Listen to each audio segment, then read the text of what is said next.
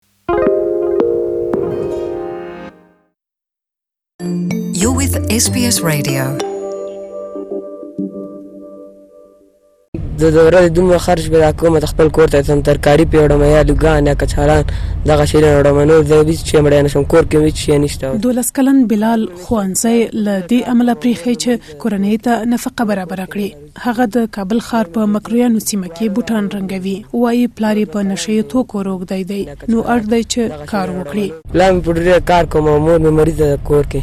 وړو کور کې نه لرو چې هم نه لرو مور مې ګردې خوږېږي واړه واړه ورونه مې دي نور یو دوه کلن دی یو کلن دی هغه وایي په ورځ کې ایله دومره پیسې پیدا کوي چې کور ته پرې وچه ډوډۍ او ترکاري واخلي اخلي. د د ورځې دومره خرچ پیدا کومه ته خپل کور ته یوسم ترکاري پرې وړمه یا لوګان یا کچالان دغه شیلن وړمه نور زه ویڅ شی مړه نشوم کور کې مې ویڅ شی نشته اوس اوس جلال اباد نه واغې د ماغه لغمان نه مجبور یو دلته راشو بس یو کار مار وکړي روان کړي ځان ته نور منګړي ته ګورمه مکتب ته روان یې نو ما زړه ځوریږي مه کشکې ما هم مکتب ویلی. بلال چې په دریم ټولګي کې ښوونځی پریښی وای د ژوند یوازینۍ هیله یې دا ده څو بیرته ښوونځی پیل کړي. لویه هیله مې دا ده زه مکتب یم بس مشکلات لرو ځکه مکتب نه یو کور کې ضرورت هم دی باید ما انجینر جوړ شي مکتب باید ویم اوس به ته ژوند هم ښه به مکتب ته نور انډیوالان مکتب کې اوس هغوی اوس غټ غټ ځایونو ته لاړه اوس موږ دا په داسې حال کې ده چې له ماشومانو څخه د ملاتړ نړیوالې ادارې سیف دي چلډرن هم په خپل نوي راپور کې ویلي له هرو پنځو په شرایطو برابر افغان ماشومانو له ډلې دوه یې له زده کړو محروم دي. دغې ادارې په دې کلني راپور کې له زده کړو څخه د ماشومانو د محرومیت لوی لامل په افغانستان کې روانه جګړه او تاوتریخوالی یاد کړی. راپور همدارنګه وايي، دا مهال شاوخوا زر بابا ښوونځي د غیر مسؤله وسله والو او افغان او نړیوالو سرتیرو له خوا تخریب، اشغال او یا هم د جګړو له امله باندي. د افغانستان د پوهنې وزارت هم دغه راپور تاییدوي او وایي، د بېلابېلو ستونزو له امله ګڼ افغان ماشومان له زده کړو بې برخې دي. د پوهنې وزارت ویانده نوریه نزهت وایي، د دغو ماشومانو ډېره برخه نجونې دي. په مجموع کې موږ درې اشاریه اوه میلیونه له ښوونځیو څخه د ناامني له کبله او همدارنګه د ناسم دودونو د حاکمیت له کبله او همدارنګه د اقتصادي فقر له کبله له تعلیم او تربیې څخه محروم پاتې شوې دي چې له دې جملې څخه ډیر زموږ ماشومان انجونې دي یو شمیر افغان ماشومان او کورنۍ داسې وایي نوم یې بیانې ده زما نوم دې واړه واړه دي دوه مختاب نو چېرته وایي مختاب خو صاحب په پیسو وایي مختاب خو صاحب په ملک وایي مختاب خو صاحب په پوانه وایي موږ مختاب څوک وایي نو مختاب خو صاحب چې شي باندې وایي یو مور یې ابطار یې ورور یې خواري سره کې بدرنګي کې ملک لري د کلي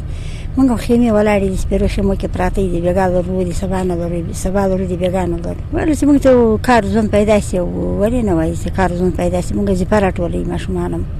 موږ غریبانان دي دا په سرکو کې ولاړ یو څوک یې ورپې نه راکوي بیبي تور خیر ټولومه بیبي دوه بچی لرم سپېلنی دوګۍ خیر ټول وپې هغه دوړه راوړي چې بیا ګاتې یې وخوري سپېلنی دوګۍ یې لاسونه یې تور دي پښې یې تورې یې سړی مې دا ایشو کې ولګېد مړ سو. عرفان ما دلته مکتب ډیر ښه درس ورکوي موږ ښه درس ترې یاد نیسو څوک چې درس نه وایي د هغې زور نه لري چې پیسې ورکړي دولتي ترې چې خپل درس وي ولې چې غټ شي دا مکتب دی چې موږ یو چیرې رسوي چې موږ درس وي او خیره غټ شو بیا وظیفه واخلو دا مثلا ډاکټر انجینر پولیس قوماندان هر شی وشو که څوک مکتب نه وای